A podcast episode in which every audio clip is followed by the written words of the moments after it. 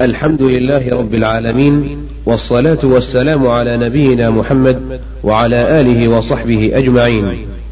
يسر إخوانكم في المكتبة السمعية بوقف السلام الخيري أن يقدموا لكم المجموعة الأولى من سلسلة الدروس العلمية لكبار العلماء، ومن دروس هذه السلسلة المباركة كتاب التوحيد لشيخ الإسلام محمد بن عبد الوهاب رحمه الله شرح سماحة شيخ العلامة عبد الله بن حميد رحمه الله الشريط الرابع والعشرون. فإن القاسم إن أبي محمد القاسم بن محمد بن أبي بكر بن أخي عائشة إن كان جالسا بالناس يسأله الناس عن مناسك الحج وهو فقيه الحجاز وعالمهم. تقدم إليه رجل فسأله فقال القاسم لا أحسن مسألتك هذه. قال السائل أنت القاسم بن محمد بن أبي بكر وأنت فقيه الحجاز وأنت الذي يقول الناس لم يبق على وجه الأرض أعلم من القاسم بن محمد وتقول لا أحسن مسألتك؟ قال له القاسم يا ابن أخي أغرك طول لحيتي؟ أغرك اجتماع الناس حولي. والله لا أحسن مسألة كان بجانبه رجل من قريش. قال له الزمها يا ابن أخي. فوالله ما رأيت رجلا أنبل منك اليوم. لأنهم لا يفتنون إلا بمقتضى ما دل عليه القرآن والسنة. حسب ما بلغه بلغ وصل إليه علمهم وإذا لم يعلموا لم يقيسوا ولم يتكلموا بل يكلون العلم إلى عالم. ويقولون الله أعلم. قال بعض المبشرين على هذه الآية اتخذوا أحبارهم ورهبانهم. قال استنصحوا الرجال ونبذوا كتاب الله وراء ظهورهم. قال الإمام أحمد عجبت قوم عرفوا الإسناد وصحته يذهبون إلى رأي سفيان. والله يقول فليحذر الذين يخالفون عن أمره أن تصيبهم فتنة أو يصيبهم عذاب أليم. أتدري ما الفتنة؟ الفتنة الشرك. لعله إذا رد بعض قوله أن يقع في قلبه شيء من الزيغ فيهلك. هذا قول إمام أهل السنة أحمد بن حنبل. يقول عجبت لقوم عرفوا الإسناد وصحته أي لا عذر لهم بل عرفوا الحديث وصحته ولا مغمز فيه. ومع هذا يذهبون إلى رأي سفيان بن سعيد الثوري فليحذر الذين يخالفون عن أمره. فأمر الله يدل على وجوب العمل بما أمر به الرسول. فلا وربك لا يؤمنون حتى يحكموك فيما شجر بينهم. أفحكم الجاهلية يبغون ومن أحسن من الله حكما لقوم يوقنون. فليحذر الذين يخالفون عن أمره أن تصيبهم فتنة أو يصيبهم عذاب أليم. أتدري ما الفتنة؟ الفتنة الشرك. لعله لأنه إذا طاع غيره يعني غير الرسول في الحلال والحرام بدون دليل فقد أشرك. قال الله تعالى بعد قوله اتخذوا أحبارهم ورهبانهم أربابا من دون الله قال سبحانه وتعالى عما يشركون. فدل على أن طاعتهم بالتحليل والتحريم بدون دليل أنه شرك. لكن قد تقول وكذلك أيضا جاء مثل هذا عن الإمام الشافعي فإنه يقول أجمع العلماء على أن كل من استبانت له سنة رسول الله صلى الله عليه وسلم لم يكن يدعها لقول أحد من الناس كائنا ما كان. والإمام مالك يقول ما منا إلا راد ومردود عليه إلا صاحب هذا القبر. يعني رسول الله صلى الله عليه وسلم.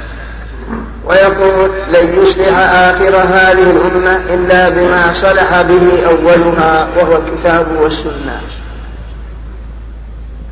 هذا قول الأئمة الأربعة. والإمام أبو حنيفة يقول إذا صح الحديث فخلوا به واضربوا بقول الحائط. وإذا صح عن الصحابة فخلوا به واضربوا بقوله عرض الحائط بعد قوله تقديم لكتاب الله وسنة رسوله وأقوال الصحابة. فإذا كان عن التابعين فيقول هم رجال ونحن رجال. هذا قول الأئمة الأربعة كلهم يأمرون برفض أقوالهم وأن لا يعتمد شيء منها متى خالفت القرآن والسنة أو خالفت الصحابة رضي الله عنهم. لأنهم أعلم الناس بالتنزيل وأعلم الناس بأحاديث رسول الله صلى الله عليه وسلم ولما ورد في فضلهم وفضل علمهم. أما المقلدون فهم يوجبون أن إمامهم يكون هو المتبع فهذا القاضي عياض يقول يجب على كل إنسان أن يقلد مالك. وما الدليل على ذلك؟ يعني ظاهر إذا لم تقلد مالك فأنت آثم الماء ما الإمام مالك يتبرع من هذا. لما جاءه رجل قال إن الليل إن أهل مصر من أعلم الناس بالبيع والشراء. قالوا من أين تعلموا؟ قالوا تعلموا من مالك. قال أنا لا أشر البيع والشراء من شيء معدل هذا معنى. لكن قد تقول ما معنى قوله تعالى يا أيها الذين آمنوا أطيعوا الله وأطيعوا الرسول وأولي الأمر منكم. وأولي الأمر هم العلماء والأمراء على ما رجحه العلامة ابن يشمل الأمرين. لأن العلماء هم الذين يبينون الحق والأمراء هم الذين ينفذون فكلهم يشملهم الأمراء. نقول نعم ما دام أن العالم يبين مدلول الكتاب والسنة فتجب طاعته لأن طاعته إذا كانت مبنية على ما دل عليه القرآن والسنة فتجب. أما طاعته بدون ذلك فلا. لا طاعة في معصية الله وإنما الطاعة في المعروف. فإذا كان يأمر بمقتضى أو يفتي بمقتضى ما دل عليه القرآن والسنة فنعم وإلا فلا لعله إذا رد بعض قوله أن يقع في قلبه شيء من الزيغ فيهلك. والله أعلم.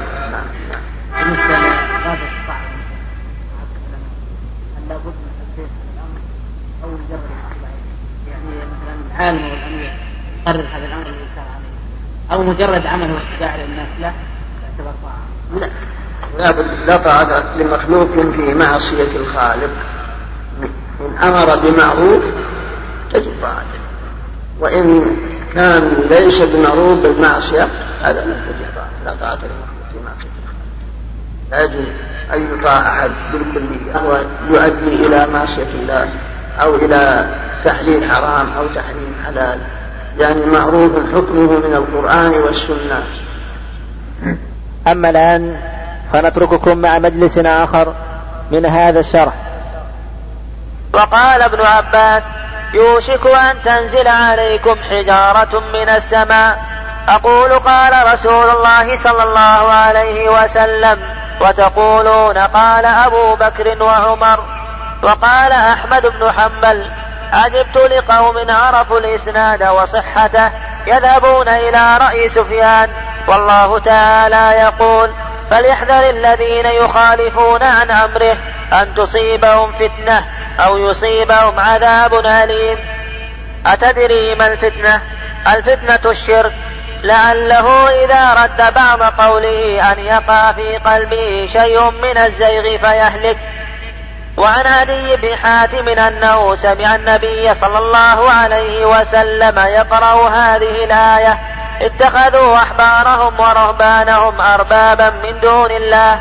الآية فقلت له إنا لسنا نعبدهم.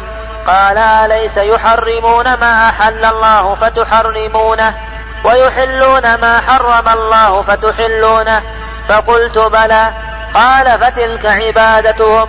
رواه أحمد والترمذي وحسنه. أحمد عجبت لقوم عرفوا الإسناد وصحته يذهبون إلى رأي سفيان أي الثوري. والله يقول فليحذر الذين يخالفون عن أمره أن تصيبهم فتنة أو يصيبهم عذاب أليم؟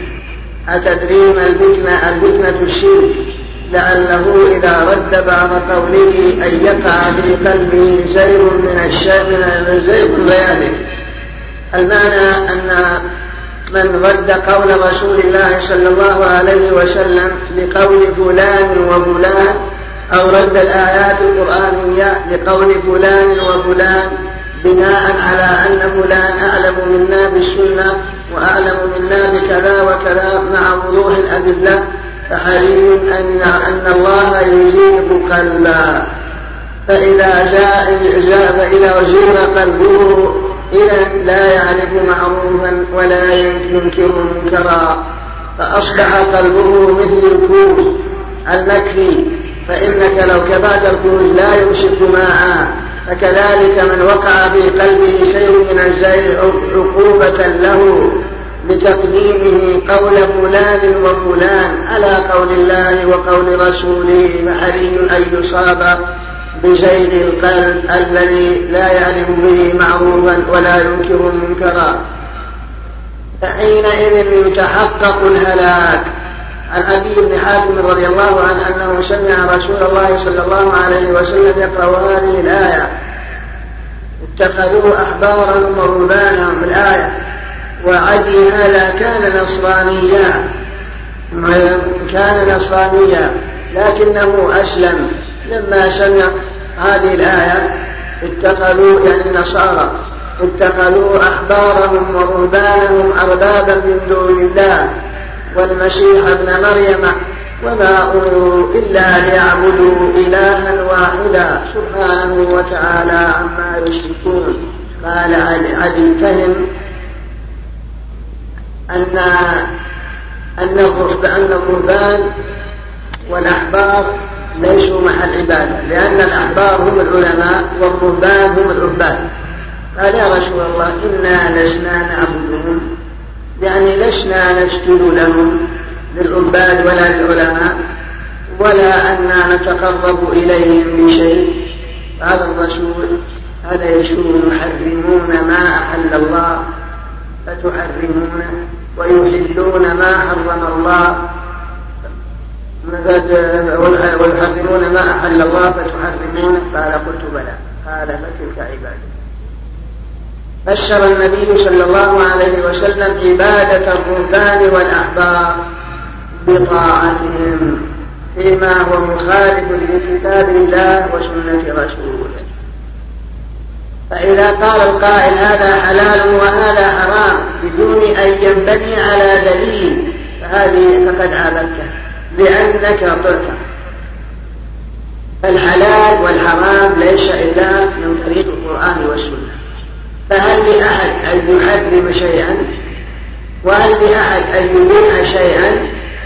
الله يقول ولا تقولوا لما تصف ألسنتكم الكذب؟ هذا حلال وهذا حرام لتفتروا على الله الكذب. فطاعته بالتحليل والتحليل أصبحت عبادة. فإن قلت كيف تكون عبادة؟ نقول لك الحلال والحرام. من الذي يحلل ويحرم؟ أليس الله ورسوله تقول نعم. نقول ألم تكن طاعة الله وطاعة رسوله واجبة؟ بل وعبادة؟ قلت نعم. قلنا إذا متى قلت؟ هؤلاء الأحبار في تحليل ما حرم الله فقد جعلتهم بمنزلة من تجب طاعته هو الرسول صلى الله عليه وسلم. فهذا فقد عبدته. حينئذ. هذا هو معنى الآية. ثم القول على الله بلا علم في الحلال والحرام أو بأسماء الله وصفاته أعظم من الشرك. كما في قوله تعالى قل إنما حرم ربي الفواحش ما ظهر منها وما بطن والإثم والبغي بغير الحق وأن تشركوا بالله ما لم ينزل به سلطانا وأن تقولوا على الله ما لا تعلمون. فهذه المحرمات جاءت من باب الترقي أولا قل إنما حرم ربي الفواحش. الفواحش هي أقل من الشرك. بدأ بها فهي أشهر وإن كان ليس بالمحرم شيء لكن بالنسبة إلى ما بعدها قل إنما حرم ربي الفواحش ما وما بطن والإثم والبغي بغير الحق. هذا أعظم. وأشد. وأن تشركوا بالله. ما لم ينزل به سلطان هذا أكبر ما قبله. وأن تقولوا على الله في شرعه ودينه وفي أسمائه وصفاته ما لا تعلمون دلالته من القرآن والسنة.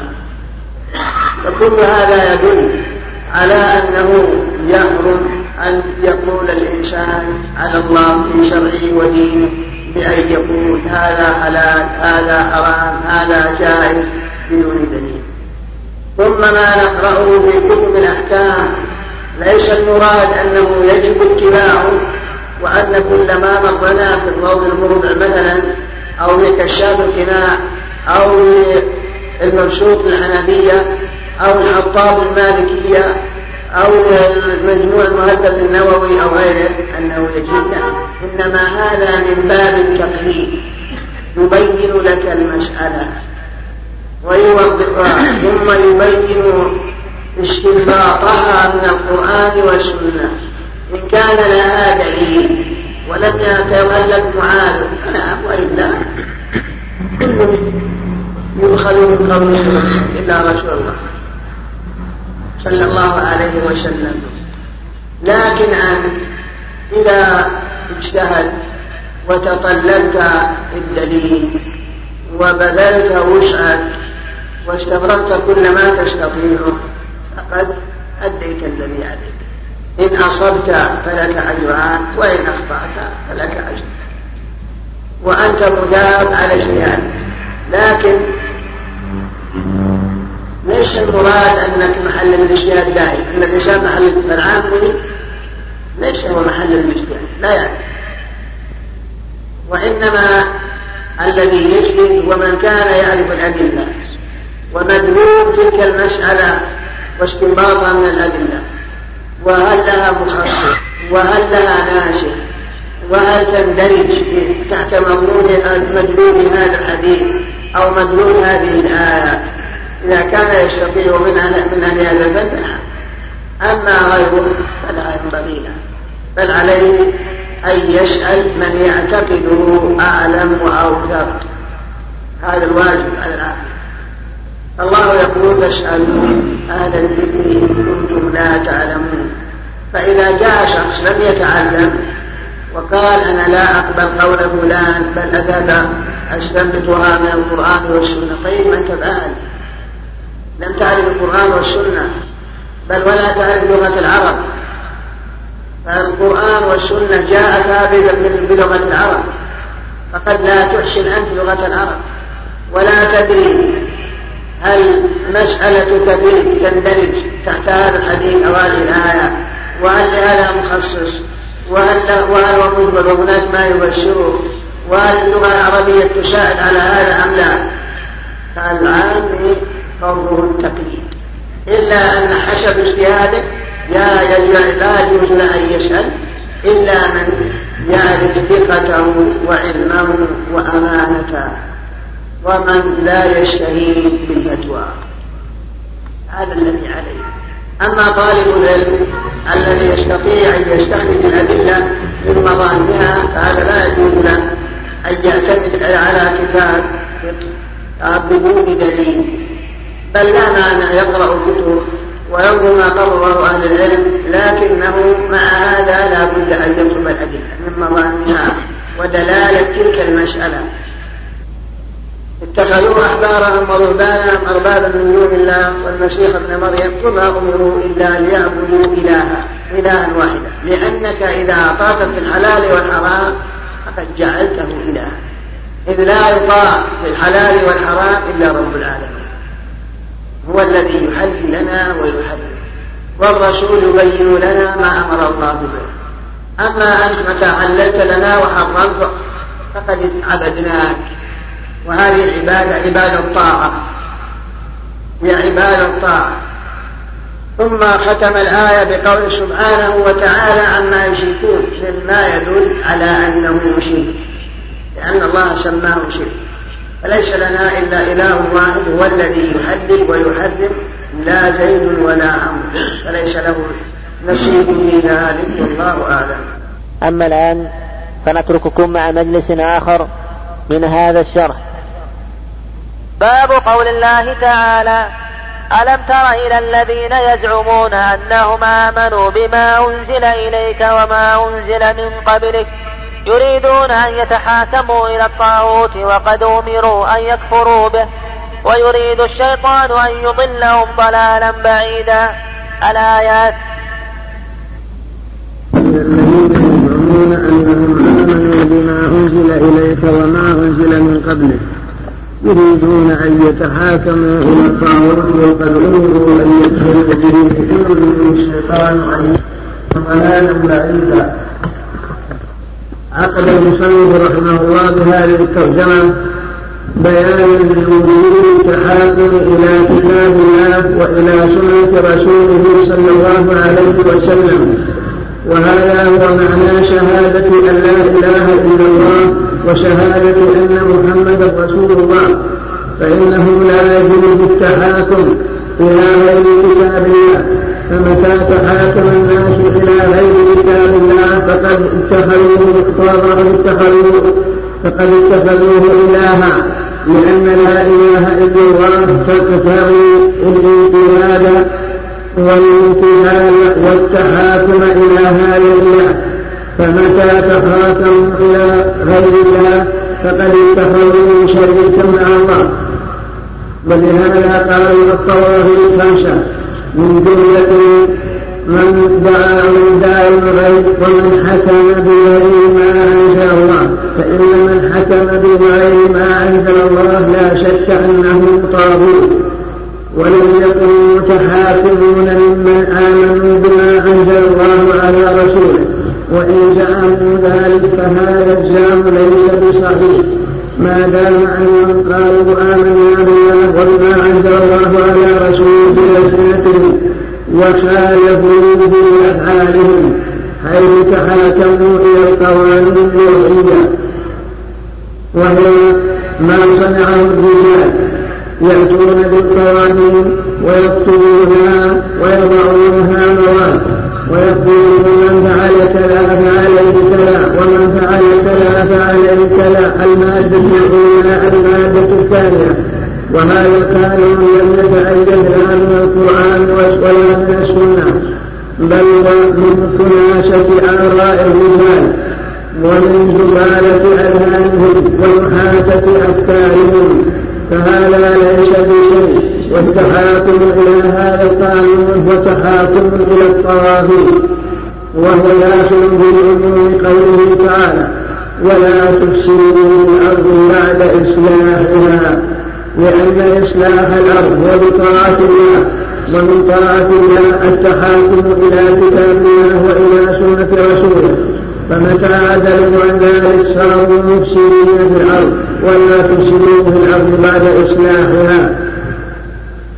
ألم تر إلى الذين يزعمون أنهم آمنوا بما أنزل إليك وما أنزل من قبلك لاقوا هذا الزعم وأبطلوا بأفعالهم. حيث كانوا يريدون أن يتحاكموا إلى الطاغوت فهذه المبايعة والمخالفة لما ادعوا من الإيمان بما أنزل الله على رسوله والإيمان بما أنزل على الأنبياء من قبل كيف يدعون أنهم يؤمنون بما أنزل الله ومع هذا يتحاكمون إلى القوانين الوضعية فبينهما نور فإن من تحاكم إلى القوانين الوضعية لم يكن مؤمنا بما أنزل الله وإن أدى ذلك قال ذلك بلسانه فالقول باللسان مع مخالفة الفعل ما هو إلا نفاق ليس بشيء كما تنكسه من هذه الآية وتدل عليه.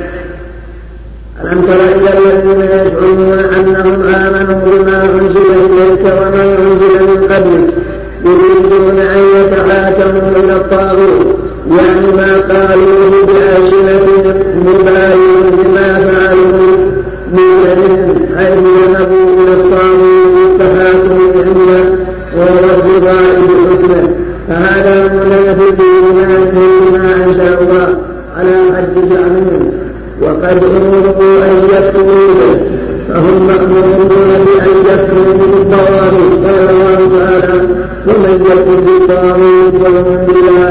استمسك الوثقى لا انفصام لها والله سليم عليم.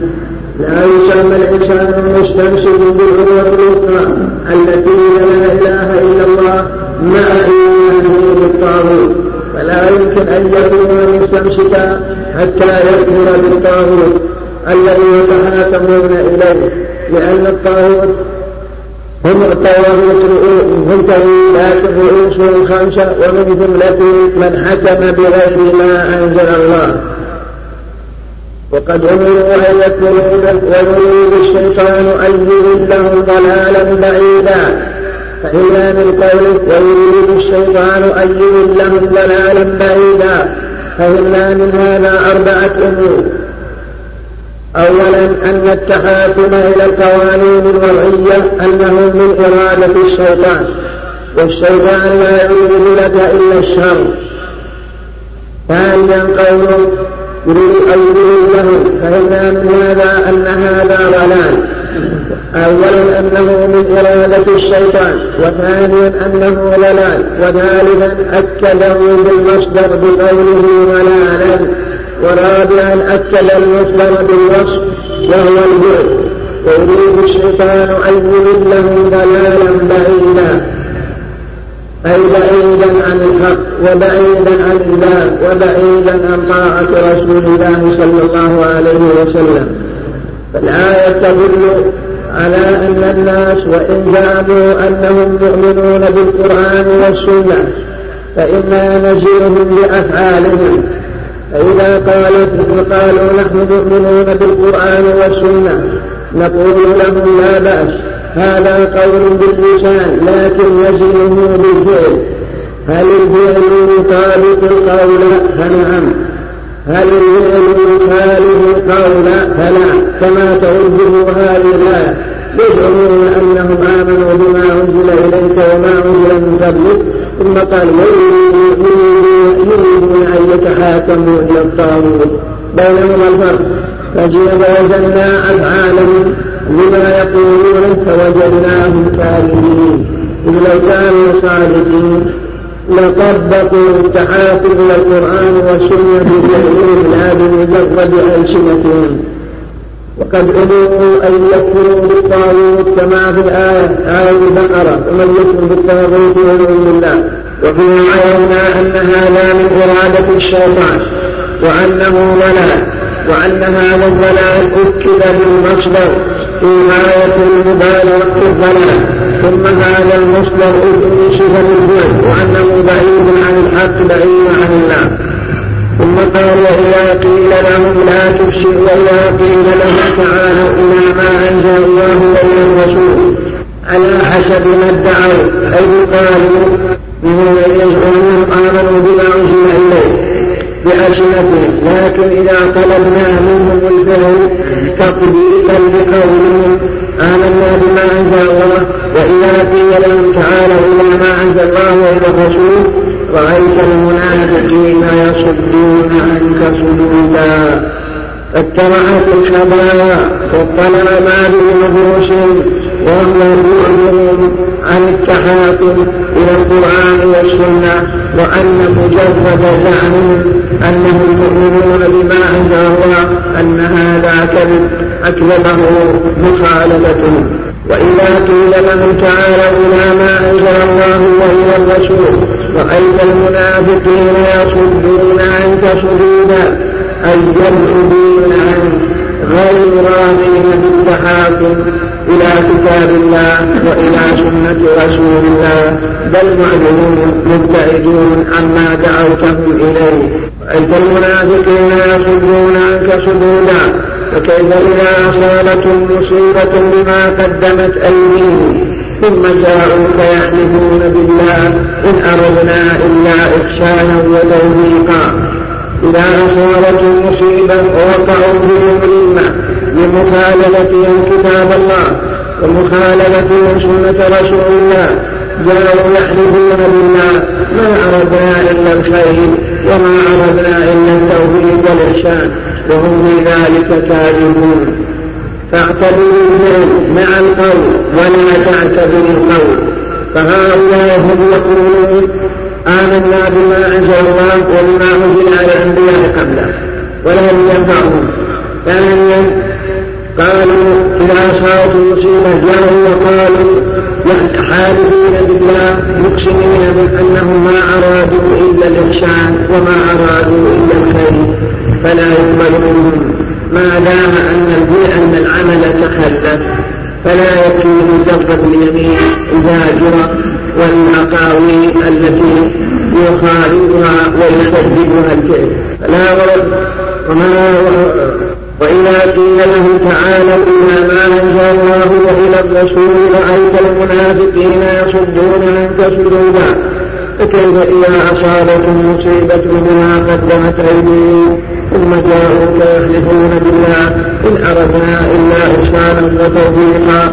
قال الله أولئك الذين يعلم الله ما في قلوبهم ما هو إلا قول باللسان أنهم متبعون القرآن والسنة ويعرفون أنهم لا يريدون بوضع قوانينهم إلا الخير ويعرفون بأنهم لا يريدون إلا المصلحة العامة وخير حقوق الناس وما أشبه ذلك.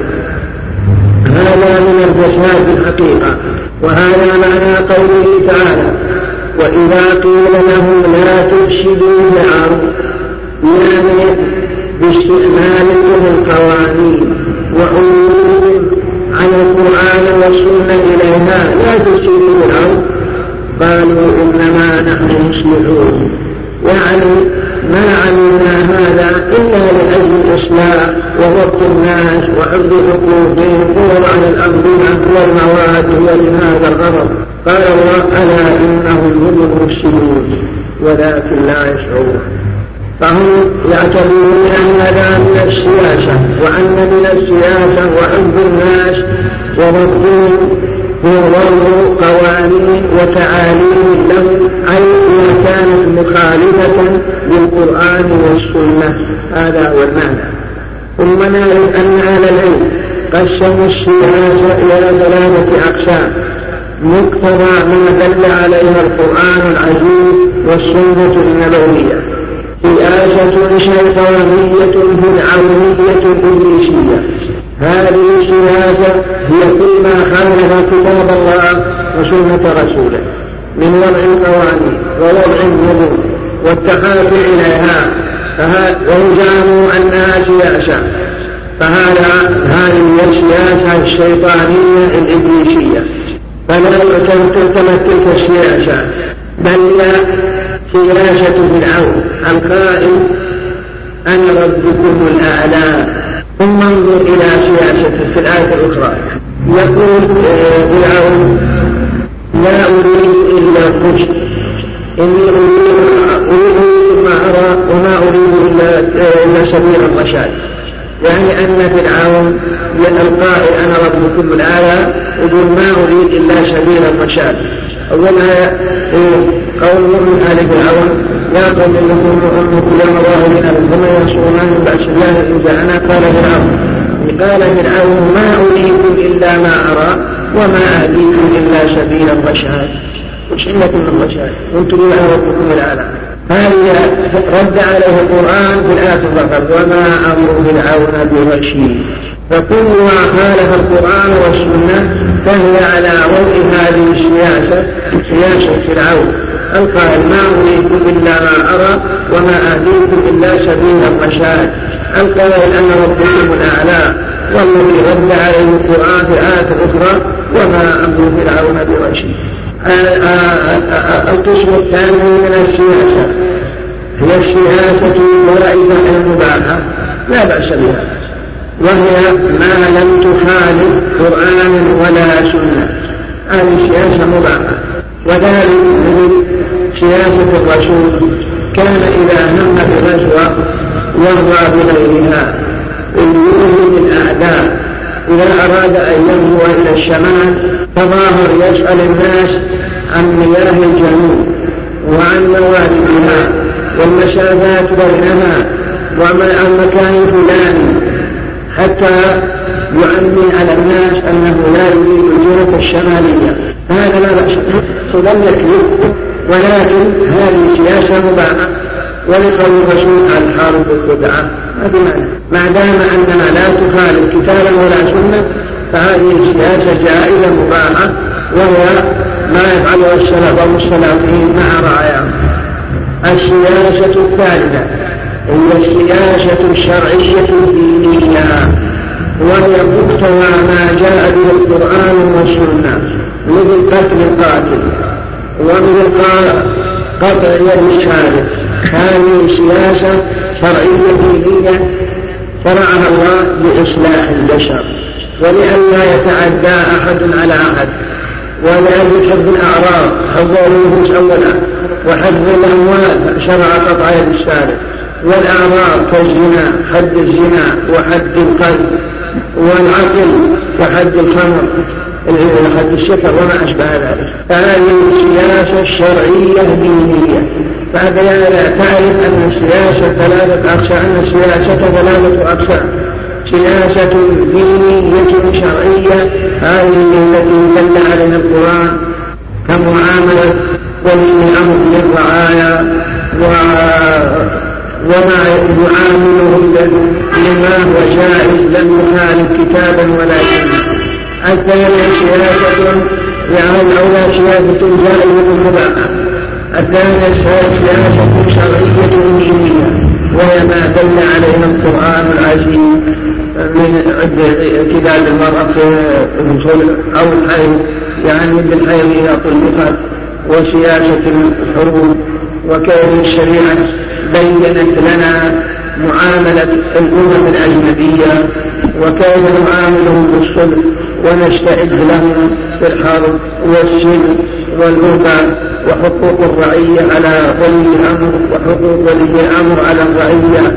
وكيف بين الشريعة تؤسس العائلات وتقام البيوتات وشرع النساء ونظم الأسر وبينت الشريعة ما لك على زوجتك من الحقوق وما لزوجتك عليك من الحقوق وما عسى أن يقع بينكما من خلاف في المستقبل وبينت أحكام البيع وأحكام الشراء والوكالات. وبينت أيضا كيف تعبد ربك وصلة بالناس وصلة الناس بك إلى غير ذلك. كل هذه من السياسة الشرعية الدينية. والثالثة كما قلنا سياسة شيطانية فرعونية إبليسية. كل سياسة خالفت القرآن والسنة كسياسة فرعون القائل ما أريد إلا ما أرى وما أهديكم إلا سبيل الرشاد والله يقول وما أمر فرعون برشيد كما تقدم. وقول أولئك الذين يعلم الله ما في قلوبهم أي من الدغل والانحراف فهم وإن نطقوا بألسنتهم وقالوا نحن مؤمنون بما أنزل الله وبما أنزل ما أنزل من الكتب قبله على الأنبياء فأولئك الذين يعلم الله ما في قلوبهم. لأنك إذا دعوتهم إلى التحاكم إلى كتاب الله وسنة الرسول صدوا عنك صدودا وأعرضوا عنك يريدون للقوانين والطواغيت وعندما يصابون بنكبة جاءوا فيحلفون بالله. ما أردنا إلا الخير ما أردنا إلا التربية ما أردنا إلا التوفيق ما أردنا ما أردنا. قال الله أولئك الذين يعلم الله ما في قلوبهم. فأعرض عنهم أي احتقرهم وصدر شأنهم. وليس المراد أعظمهم لا بل إنما اشتهر بهم. لأنهم لا قيمة لهم وأظهر احتقارهم وصدر شأنهم. لكن قل لهم في أنفسهم قولا بليغا. فعظهم وقل لهم في أنفسهم قولا بليغا. فعظهم وذكرهم بالآخرة وذكرهم بما سيحل بهم من النقمة. كما في قوله تعالى وإذا تولى الله ورسوله يحكم بينهم إلى فريق معرضون وإن يكن لهم الحق يأتون إليه مذعنين أفي قلوبهم مرض؟ أم ارتابوا أم يخافون أن يعيد الله عليهم ورسوله؟ بل أولئك هم الظالمون. إنما كان قول المؤمنين إذا دعوا الله ورسوله يحكم بينهم أن يقولوا سمعنا وأطعنا. وأولئك هم المفلحون. أولئك الذين يعلم الله ما في قلوبهم فأعرض عنهم وعظهم وقل لهم في أنفسهم قولا بليغا. وما أرسلنا من رسول إلا ليطاع بإذن الله. يعني الحكمة في إرسال الرسل ولأجل طاعتهم فإن طاعتهم طاعة لمرسلهم فهم لا يأمرون إلا بما أمرهم الله به. فمتى أطعت الرسول فقد أطعت مرسلا. ومتى خالفت الرسول فقد خالفت مرسلا. وما أرسلنا من رسول إلا ليطاع بإذن الله. ولو أنهم ظلموا أنفسهم باتباع الهوى وعدم طاعتهم للرسول في بعض الأشياء. ولو أنهم ظلموا أنفسهم جاءوا تائبين فاستغفروا الله واستغفر لهم الرسول لوجدوا الله توابا رحيما. فتح باب للتوبة لهم. وإن حصل منهم ما حصل متى استغفروا وتابوا ورجعوا إلى الحق فإنهم يجدون لهم ربا غفورا توابا للذنوب غفارا للذنوب ولو أنهم إذ ظلموا أنفسهم جاءوك فاستغفروا الله أولا يتوبون حقيقة ويستغفرون مما بينهم وبين الله.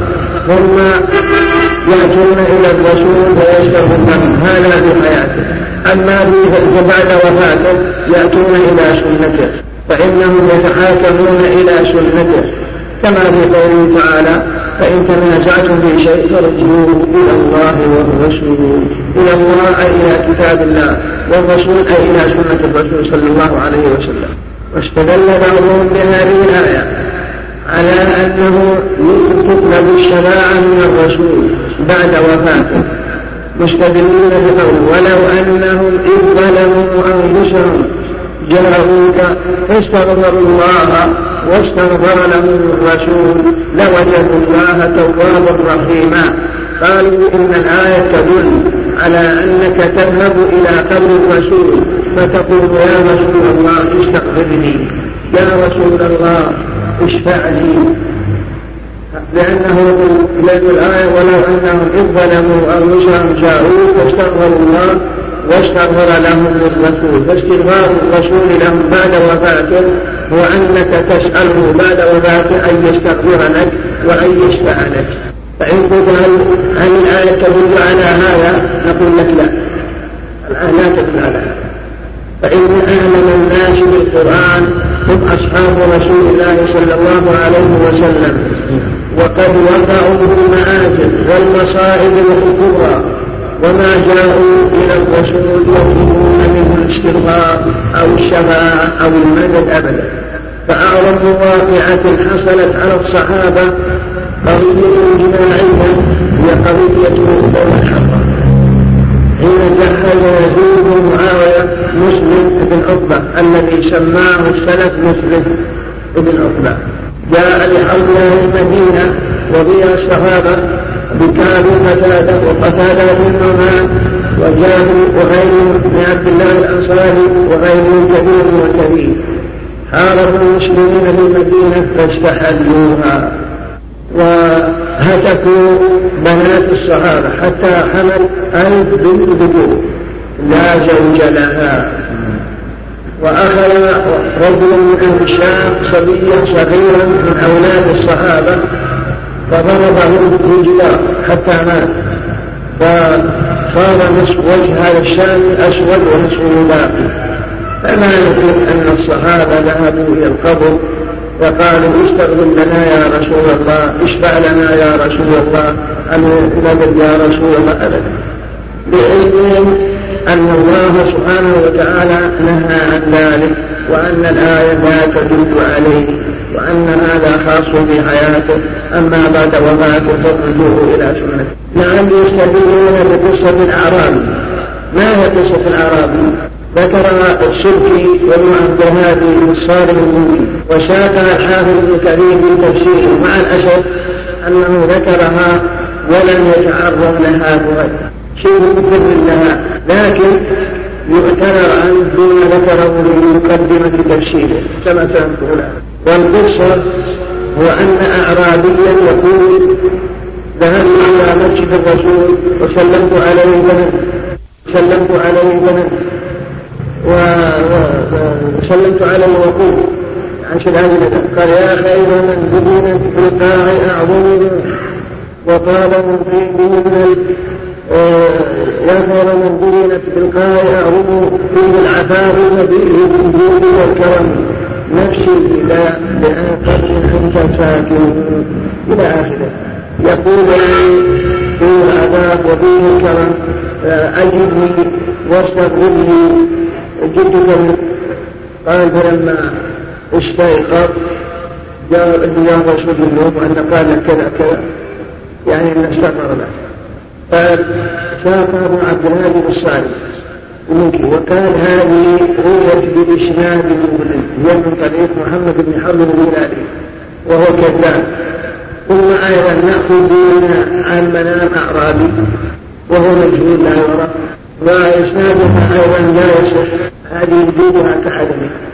وقد جرى مسألة منامية واستفتى بها عدد من العلماء وهي رجل رأى النوم قالوا سأل العلماء قال إن رسول الله صلى الله عليه وسلم جاءني في النوم وقال لي إنك إلى محل كذا تجد فيه كنزا فخذه ولا خمس عليك فيه قال فذهبت فوجدت المال كما كان. فهل علي فيه خمس؟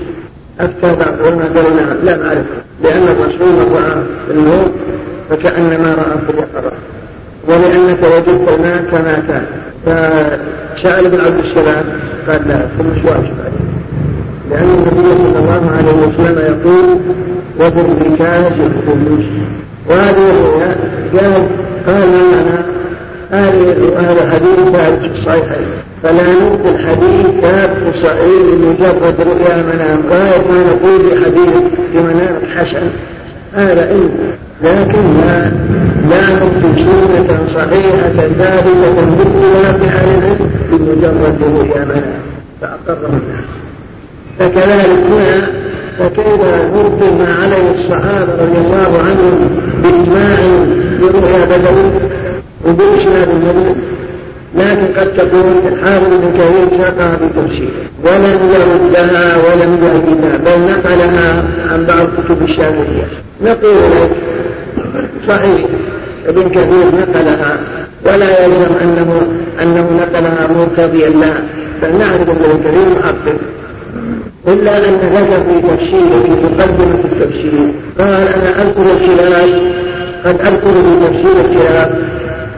وتارة موجه بعد وتارة أذكر الخلاف وأسكت عمل عملا بدليل أن الله ذكر الخلاف وسكت ثم ذكر قوله تعالى في سورة في شأن أصحاب بكر سيقولون ثلاثة رابعهم كلبهم ويقولون خمسة وسادسهم سادسهم كلبهم ويقول سبعة وثامنهم كلبهم فقل ربي أعلم بعدتهم ما يعلمه إلا قليل.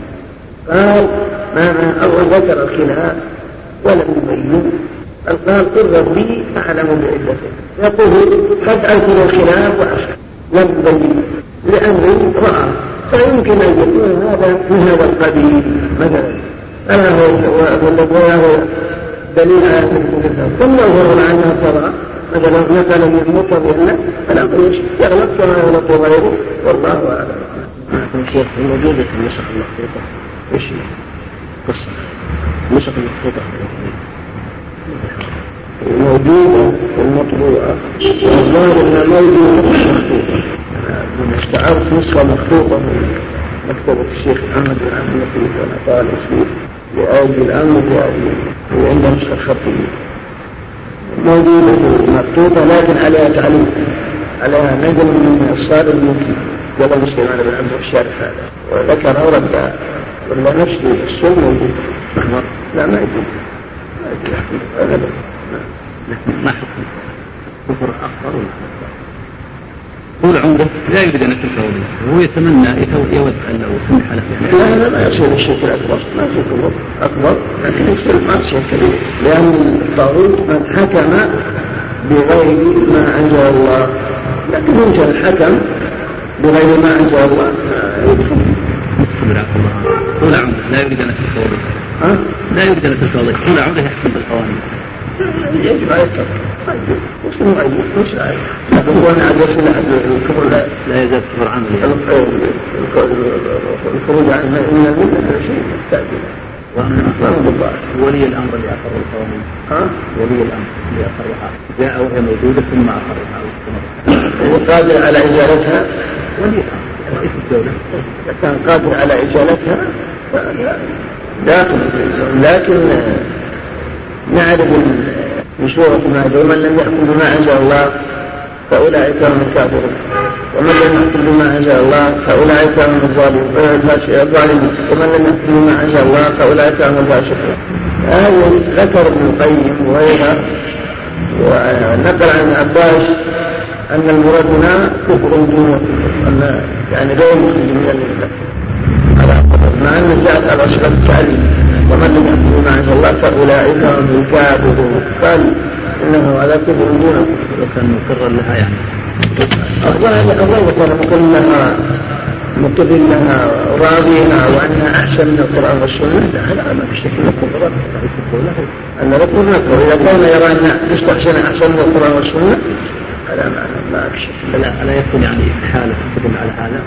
ولا يكون لا يعتقد يعني. ما في هذا ما قد يكون عذر وان كان من عذر بس يخرج عن الكفر الأكبر. أكبر من المله ولا ما.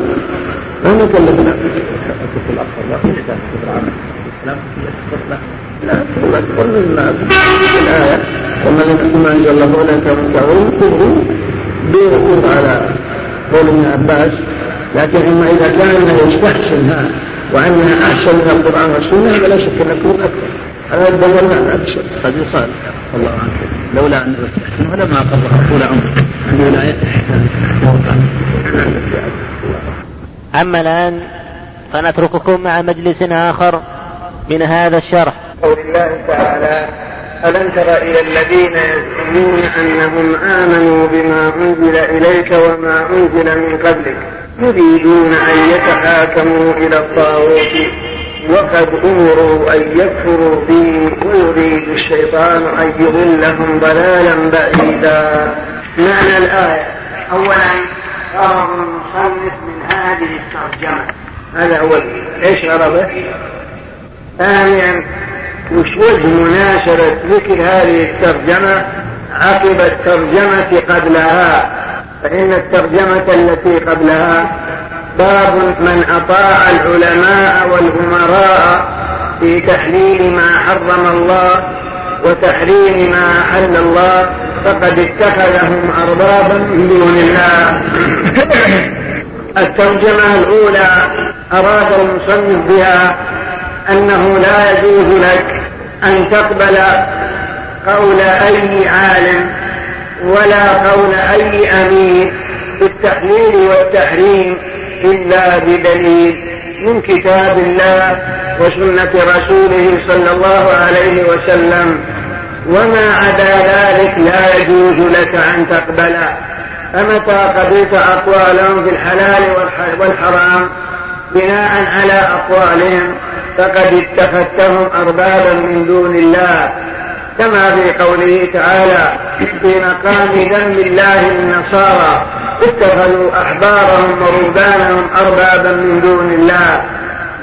وتقدم معنى ذلك وتقدم معنى التقليد.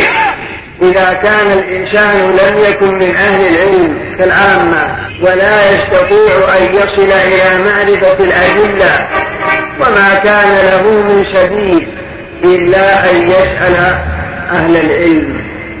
فإذا سألهم بالحلال والحرام وقد أخذ بأقوال هل يكون قد اتخذهم أربابا من دون الله كما تعطيه الترجمة السابقة نقول لك لا. هذا الذي يقبل قول الغير بلا دليل ولا حجة. أما العامي الذي لم يكن من أهل النظر وليس هو من أهل الاستدلال ولا أنه يعرف القرآن والسنة عليه أن يقلد من يعتقد أنه عالم بذلك وأنه ثقة في دينه وفهمه. لأن الله يقول فاسألوا أهل الذكر إن كنتم لا تعلمون ثم السائل لهذا العالم ويعتقد أنه يخبره عن الشرع. لا يخبره من عندياته ومن قبل نفسه. فمتى مثلا هذا العام جاء يسألك ويعتقد أنك تخبره بشرع الله ودينه لا أنه يعتقد أنك أنت الذي تحلل وتحرم من قبل نفسه. إذا لم يتخذك ربا من دون الله ولا تتناوله الترجمة لأنه يسألك عن حكم الله وأما أحل الله وحرم لعدم معرفته وعدم قدرته على الاهتداء فأنت تخبره لا من قبل نفسك. وهذه الترجمة كأنها مخصصة للترجمة قبلها كأنه باب من أطاع العلماء والأمراء يعني كأن المعنى ما عدا رسول الله صلى الله عليه وسلم فواجب عليك أن تطيعه. لأن هذا هو معنى شهادة أن محمدا رسول الله. فمعنى شهادة أن محمدا رسول الله قبول ما جاء به الرسول. قولا وعملا واعتقادا والتحاكم إلى ما جاء به الرسول. قال الله تعالى ألم تر إلى الذين يزعمون أنهم آمنوا بما أنزل إليك وما أنزل من قبلك؟ يريدون أن يتحاكموا إلى الطاغوت. هذه مناقضة ومنافاة كيف يزعمون أنهم يؤمنون بما أنزل الله على رسوله ومع هذا يفضلون التحاكم إلى غيره. فأفعالهم تخالف أقوالهم. لفظة ألم تر إلى الذين يزعمون التعذيب يزعمون يدل على أنهم كذبة لم يكونوا مؤمنين بالله ولا بما أنزل على رسوله. لأنه قال ألم تر إلى الذين يزعمون أنهم آمنوا بما أنزل إليك وما أنزل من قبلك؟ زعموا لا حقيقة له إذا كانوا صادقين أنهم مؤمنون بما أنزل الله على رسوله لتحاكموا إليه من غير أن يتحاكموا إلى الطاغوت. فتحاكموا إلى الطاغوت يكذبهم أنهم يكذبهم في دعواهم حيث زعموا أنهم يؤمنون بما أنزل الله على رسوله. بهذا يتضح أن الإيمان ليس هو مجرد النطق باللسان فما ولا يقف ولا مجرد أيضا الاعتقاد أيضا. بل لا بد أن ينضاف إلى ذلك العمل. فهؤلاء أبطلوا إيمانهم بما أنزل الله لأجل تحاكمهم إلى الطاغوت. التقون هل هنا دليل يدل على أن الفعل من الإيمان؟ نقول لك نعم أولا هذه الآية تدل على أن متى تحاكموا إلى غير الله إلى غير كتاب الله فهم ليسوا بمؤمنين بكتاب الله بدليل الآية. ودليل آخر في قصة إبراهيم صلى الله عليه وسلم لما أمر بذبح ولده وبيذة كبده قال الله تعالى فلما بلغ فلما بلغ معه السعي يعني إبنه. قال إبراهيم يا بني إني أرى في المنام أني أذبحك. فانظر ماذا ترى وأن تعرف أن رؤيا الأنبياء وحي. ماذا ترى؟ فلما بلغ معه السعي قال يا بني إني أرى في المنام هذا نطق. إني أرى في المنام أني أذبحك فانظر ماذا ترى. قال يا أبت افعل ما تؤمر ستجدني إن شاء الله من الصابرين. فلما أسلما وتله للجبين هذا فعل. ناديناه أي يا إبراهيم؟ قد صدقت الرؤيا. إنا كذلك نجزم وش الدلالة من هذه الآية. يقول قد صدقت الرؤيا. ما كان إبراهيم مصدقا للرؤيا. ولا أثنى الله على إبراهيم بمجرد قوله إني أرى في المنام أني أذبحه ولا أثنى عليه بقوله فلما تله للجبين فلما بلغ مع الشيخ قال يا بني افعل ما تؤمر ستجدني إن شاء الله من الصابرين. فلما اسلم وتله لجبين قال قد صدقت. فلم يكن مصدقا للرؤيا إلا بعد قبل أن يفعل لم يكن مصدقا للرؤيا. ولن يثني الله عليه ويجعله من المحسنين إلا بعد أن فعل. أن صدقته نستفيد من هذا أن الإيمان لا بد فيه من عمل الجوارح. وهؤلاء الذين زعموا أنهم مؤمنون بما أنزل الله تحاكموا إلى الطاغوت ترى أنهم ليسوا مؤمنين بالكتاب لأنهم لم يصدقوا قولهم بفعلهم. وهذا واضح. من أجل هذا قال أهل السنة الإيمان قول وعمل واعتقاد. فلا بد من القول ولا بد من العمل ولا بد من الاعتقاد. الله لم يثني على إبراهيم إلا بعد أن عمل. في أنه قال واعتقد ولكن بعد أن عمل بعد أن عمل بقوله قال الله لك صدقت الرؤيا فكذلك من قال أنا مؤمن بما أنزل الله مؤمن برسول الله مؤمن بما جاءت به الرسل ولكنه يخالف ذلك ويحكم القوانين الوضعية. بدلا من الشريعة الإسلامية أصبح إيمانه بما أنزل الله مجرد زعم لا حقيقة له.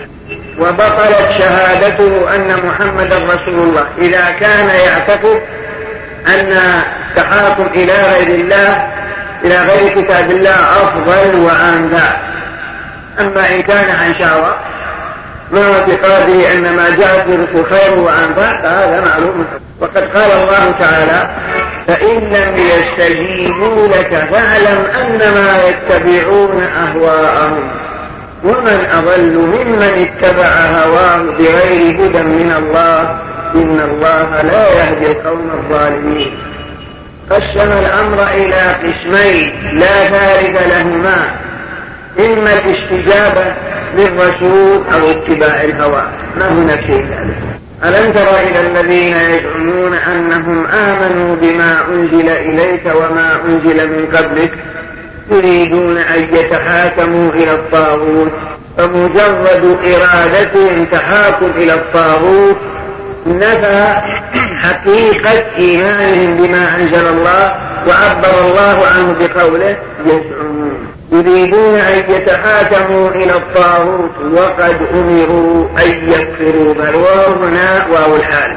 أي والحال أنهم مأمورون بالكفر بالطاغوت. فمن يؤمن بالله ومن يكفر بالطاغوت ويؤمن بالله فقد استمسك بالعروة الوثقى. فإن الكفر فإن الإيمان بالطاغوت والإيمان بالله متنافيان لا يمكن أن تكون مؤمنا بالله ومؤمنا بالطاغوت أبدا. بل هما متنافيان وقد أمروا أن يكفروا به ويريد الشيطان أن يضلهم ضلالا بعيدا. دلت الآية على أن التحاكم إلى غير كتاب الله وسنة رسوله هو من إرادة الشيطان. ومن محبة الشيطان ودعوة الشيطان إليه. ودلت الآية على أن التحاكم إلى غير القرآن والسنة أنه تحاكم أنه ضلال ويريد الشيطان أن يضله. دل على أنه ضلال. ودلت الآية على أن هذا الضلال مؤكد بالمعنى ودل والآية أكدت الضلال بالمصدر مما يدل على أنه ضلال واضح ثم وصف ذلك الضلال بالبعد. يريد الشيطان أن يضلهم ضلالا بعيدا. فالآية انتظمت أمور. أولا أن معنى شهادة أن لا إله إلا الله وشهادة وأن شهادة محمد رسول الله أنهما متلازمان لهذا صار الاثنين ركن والركن الأول. من أركان الإسلام. كما في قوله صلى الله عليه وسلم بني الإسلام على خمسة أركان شهادة أن لا إله إلا الله وأن محمدا رسول الله. الأول لما بينهم من الثلاثة ثانيا دل على أن من لازم شهادة أن محمدا رسول الله الإيمان بما جاء به الرسول قولا وعملا واعتقادا. ثالثا دل على أن مجرد النطق بأنه مؤمن بما أنزل الله مع مجيئه بما يناقض ذلك أنه ليس بمؤمن. ما هو إلا مجرد جعل. رابعا دلت الآية على أن كل ما عدا الكتاب والسنة وتحاكموا إليه مما عدا القرآن والسنة هو طاغوت مهما كانت الحالة. من جن من رجل من أي شخص لأن الطاغوت مشتق من الطبيعان وهو مجاوزة الحد. خامسا دلت الآية على أن المؤمنين مأمورون بالكفر بالطواغيت والإيمان بالله وأن الإيمان بالطواغيت والإيمان بالله متنافيان لا يمكن وجودهما بل من آمن بالطاغوت فإنه لم يكن مؤمنا بما أنزل الله. ومن آمن بما أنزل الله حقيقة لم يكن مؤمنا بالطاغوت. والعبرة بالحقائق لا بالمسميات سادسا دلت الآية على أننا مأمورون بأن نكفر بكل ما عدا القرآن والسنة من قوانين ومما يجمعه الرجال وينظمون من من كناسة الأفهام وزبالة الآراء ونحادة الأفكار. وأن ذلك داخل في قوله تعالى أي هذه القوانين الوضعية المجموعة من كناسة الآراء وزبالة الأفهام ونحاتة الأفكار مما لم يدل عليه دليل. عندما تتأمل هذه الآية وهي قوله تعالى وفي سورة الأنعام وأقسموا بالله جهد أيمانهم لئن جاءتهم آية ليؤمنن بها قل إنما الآيات عند الله وما يشعركم أنها إذا جاءت لا يؤمنون ونقلب أفئدتهم وأبصارهم كما لم يؤمنوا به أول مرة ونذرهم في طغيانهم يعمهون. سابعا دل دلت الآية على أن التحاكم إلى غير الكتاب والسنة هو من إغاثة الشيطان وما ومحبة الشيطان له وأن الشيطان يدعو إلى ذلك. ثامنا دل على أن التحاكم إلى غير الكتاب والسنة مع كونه من إرادة الشيطان أنه ضلال وبعد عن الحق. ثم أيضا أكد هذا الضلال بالمصدر أن يضلهم ضلالا. ثم أكد هذا المصدر بوصفه بالبعد أنه بعيد عن الله. ثم تأمل قوله تعالى وإذا دعوا إلى الله ورسوله ليحكم بينهم إذا فريق منهم معرضون وإن يكن لهم الحق يأتوا إليه منعمين أفي قلوبهم مرض أم ارتابوا أم يخافون أن يحيب الله عليهم ورسوله؟ بل أولئك هم الظالمون. إنما كان قول المؤمنين إذا دعوا إلى الله ورسوله ليحكم بينهم أن يقولوا سمعنا وأطعنا وأولئك هم المفلحون.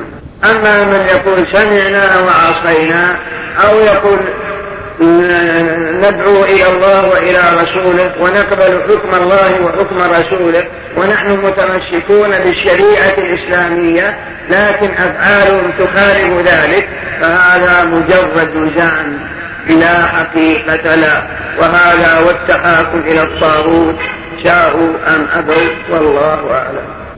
أما الآن فنترككم مع مجلس آخر من هذا الشرح.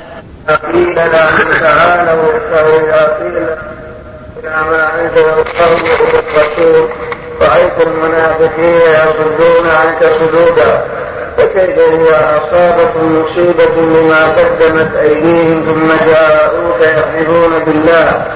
إن أردنا إلا إحسانا وتوفيقا. أولئك الذين يعلم الله ما في قلوبهم فأعرض عنهم وعنهم وقل لهم في أنفسهم قولا بليغا. فقد لنا أن التحاكم إلى غير الكتاب والسنة؟ ينافي الإيمان.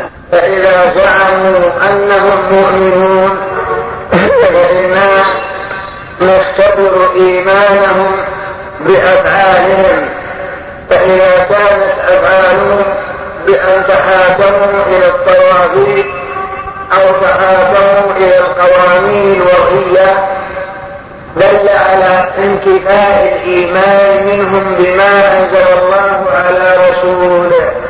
هذا هو المعنى. ثم هؤلاء الذين جاء ذكرهم في الآية.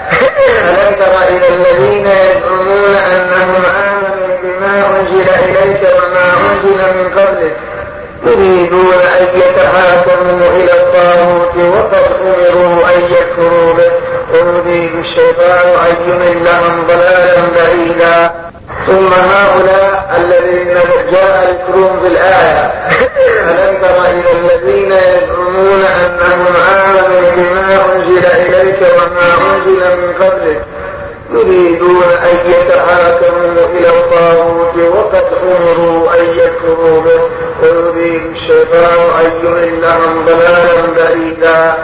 قلنا فيما تقدم أن الآية أولا دلت على أنهم ليسوا بمؤمنين بما أنزل الله على رسوله من القرآن حيث تحاكموا إلى غير الكتاب والسنة. ثانيا تقدم أن قلنا أن هذا هو تحاكم إلى الطاغوت شاءوا أم أبوا؟ ثالثا تقدم أن قلنا أن الآية تدل على أنهم مأمورون بالكفر به ولم يفعلوه.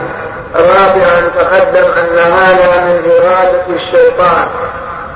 خامسا تقدم أن هذا ضلال وهو التحاكم إلى غير القرآن وهو السنة.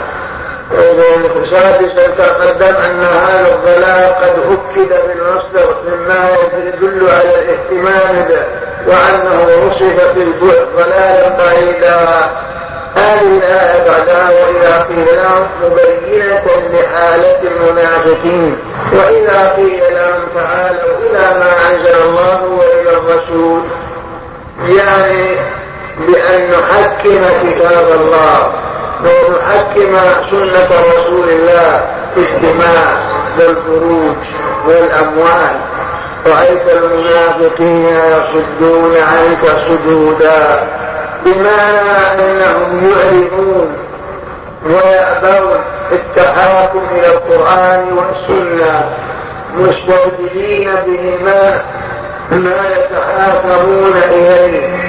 من القوانين الوضعية أو الأنظمة التي وضعها بعض الرجال من فرنسا وغيرهم وأولهم جنكس خان كما يأتي عند قوله تعالى أفحكم الجاهلية يبغون؟ ومن أحسن من الله حكما لقوم يوقنون. والآية تدل على أنهم حينئذ منافقون شاءوا أم أبوا. وقول رأيت المنافقين يصدون عنك صدودا. إيش معنى يصدون؟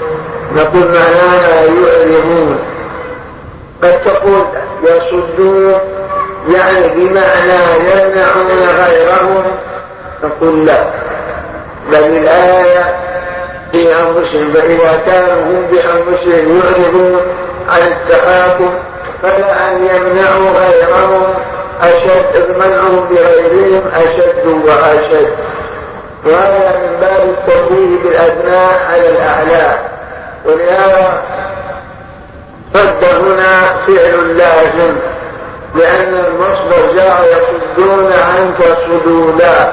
فلو كان متعدد بمعنى صد غيره لكان صدا. رأيت المنافقين يصدون عنك صدا. لو كان متعدد صار مصدر صدا. ولما جاء الجر حدودا دل على أنه لازم. ومعنى اللازم يعني فإذا قيل لهم تعالوا إلى ما أنزل الله وإلى الرسول رأيت المنافقين يعرضون عنك إعراضا. وليس المراد رأيت المنافقين يمنعون عن التحاكم إلى كتاب الله امتناعا أو منعا لا. فالإعراض إعراضهم بأنفسهم كان في نفاقهم ولو لم يصدوا غيرهم بمعنى يمنعوا غيرهم. وإذا قيل لهم تعالوا إلى ما أنزل الله وإلى الرسول. رأيت المنافقين يصدون عنك صدودا. فكيف إذا أصابتهم مصيبة بما قدمت أيديهم؟ ثم جاءوك يحلفون بالله. إن أردنا إلا إحسانا وتوفيقا. لاحظ هذا المعنى. فكيف إذا أصابتهم مصيبة؟ بمعنى وقع عليهم شيء من أقدار الله سبحانه وتعالى. جاءوك يحلفون بالله. ما أردنا إلا الخير. ما أردنا إلا الإحسان. وحفظ الحقوق. وما أردنا إلا التوفيق. بين هذا وذاك. والله يعلم قصدنا إنما الأعمال بالنيات. فلا تلتفت إلى شهادة قولهم ما ما ألفوا وما ادعوا من إرادة الإحسان والتوبيخ لا.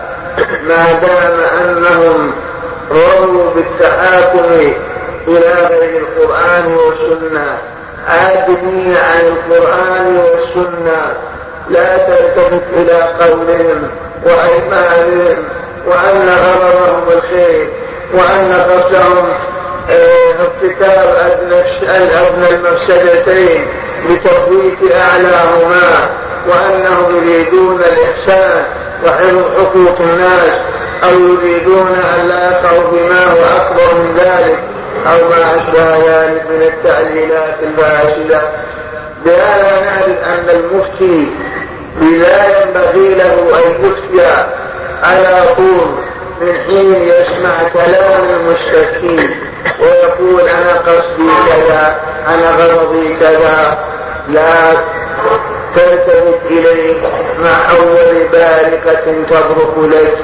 بل انظر في الحقائق انظر في المسميات انظر في ما سيؤول إليه الأمر انظر في النتائج والعواقب.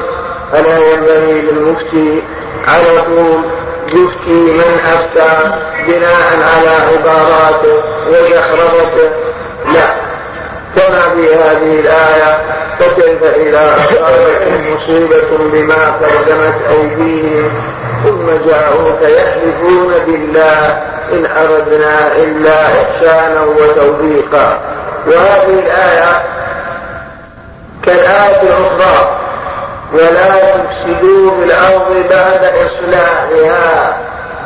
وإذا قيل لهم لا تفسدوا في الأرض قالوا إنما نحن مصلحون.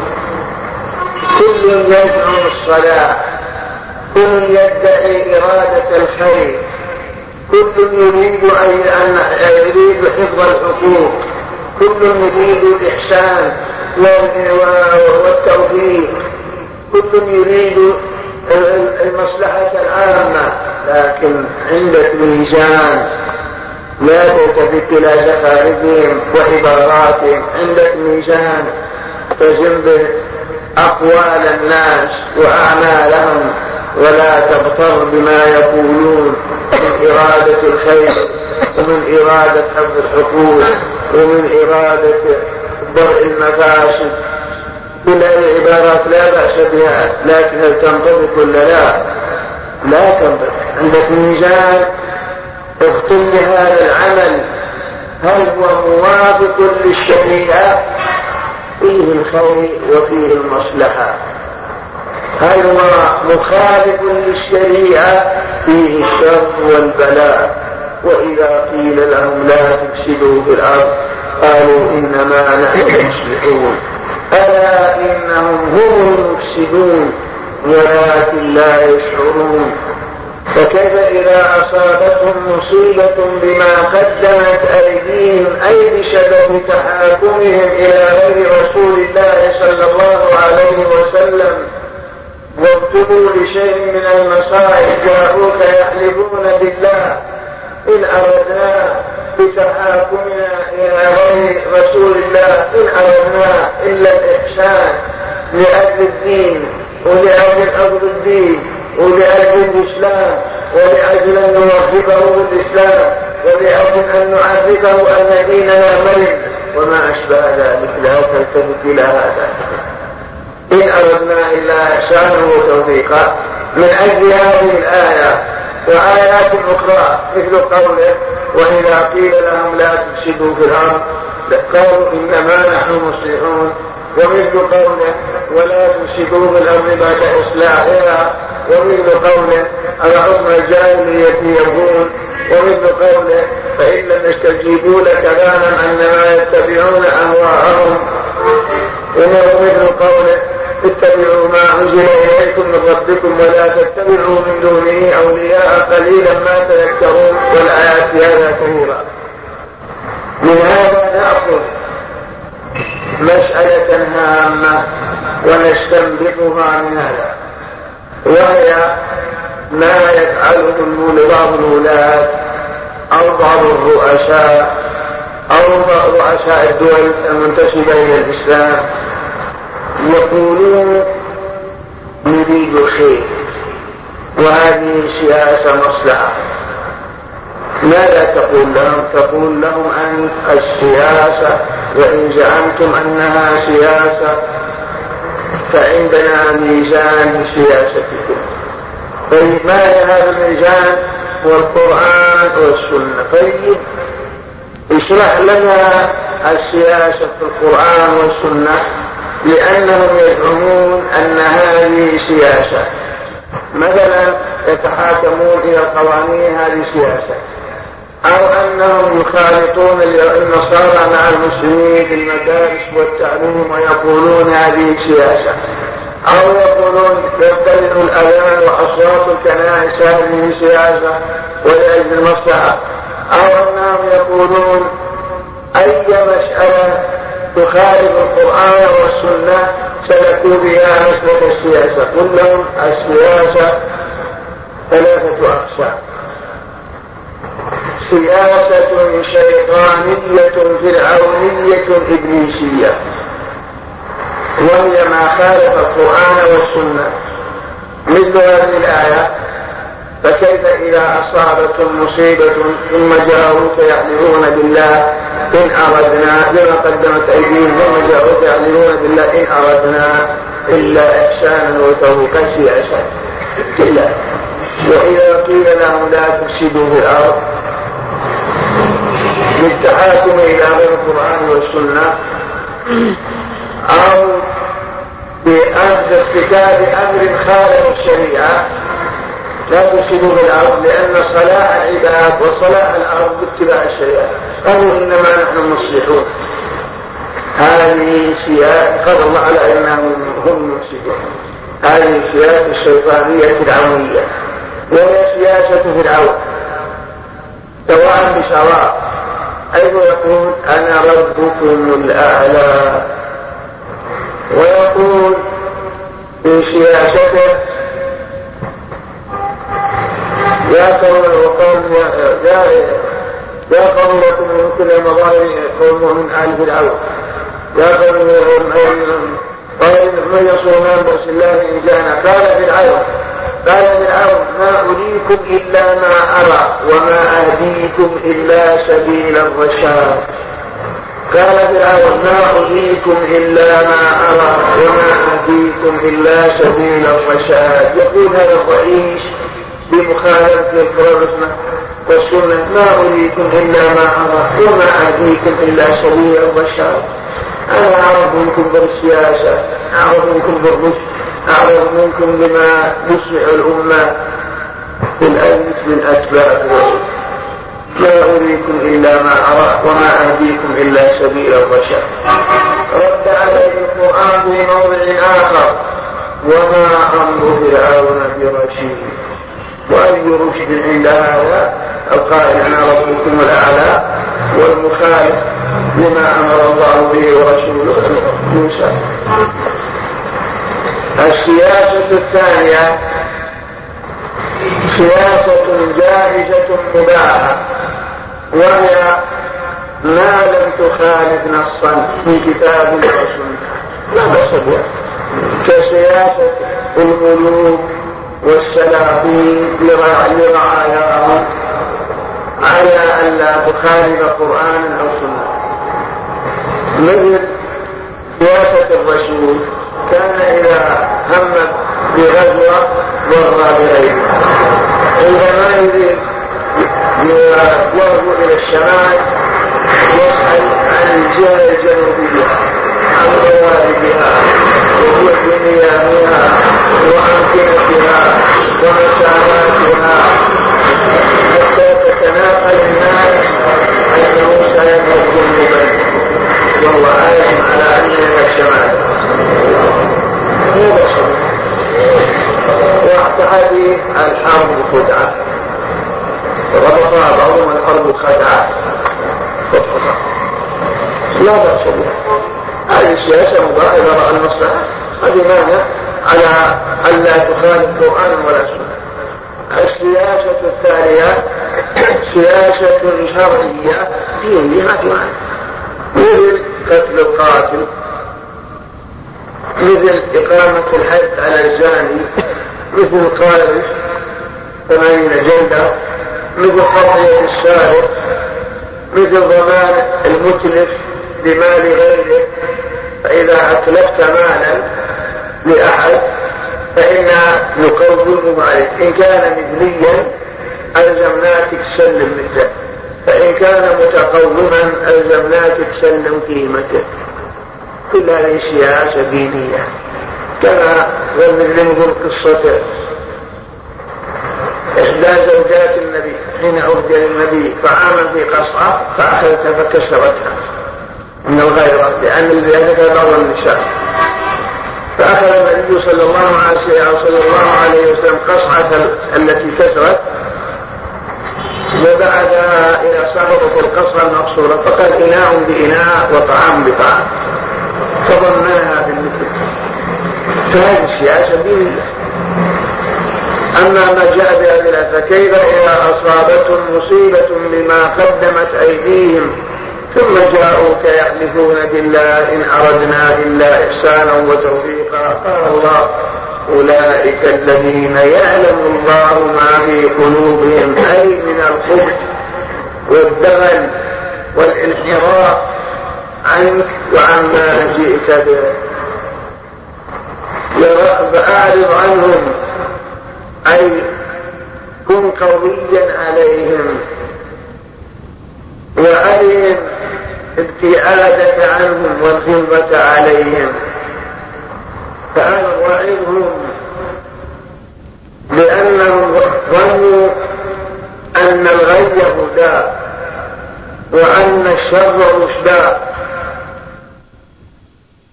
فهم الأمور بأساسها. وعظهم وقل لهم في أنفسهم قولا بليغا. أي اقرأ حججهم وأباطيلهم بقول بليغ يصل إلى قلوبهم ويفند آراءهم الفاسدة وما أرسل ولو أنهم ظلموا أنفسهم.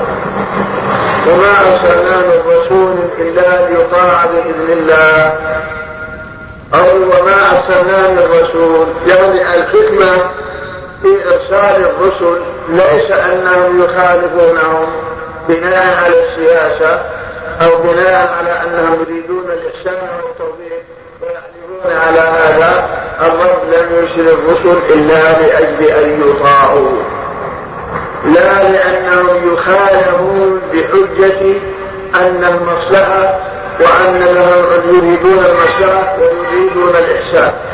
وما أرسلنا من رسول إلا ليطاع بإذن الله ولو أنهم إذ ظلموا أنفسهم بصنيعهم هذا جاءوك فاستغفروا الله واستغفر لهم الرسول تائبين منيبين لوجدوا الله توابا رحيما.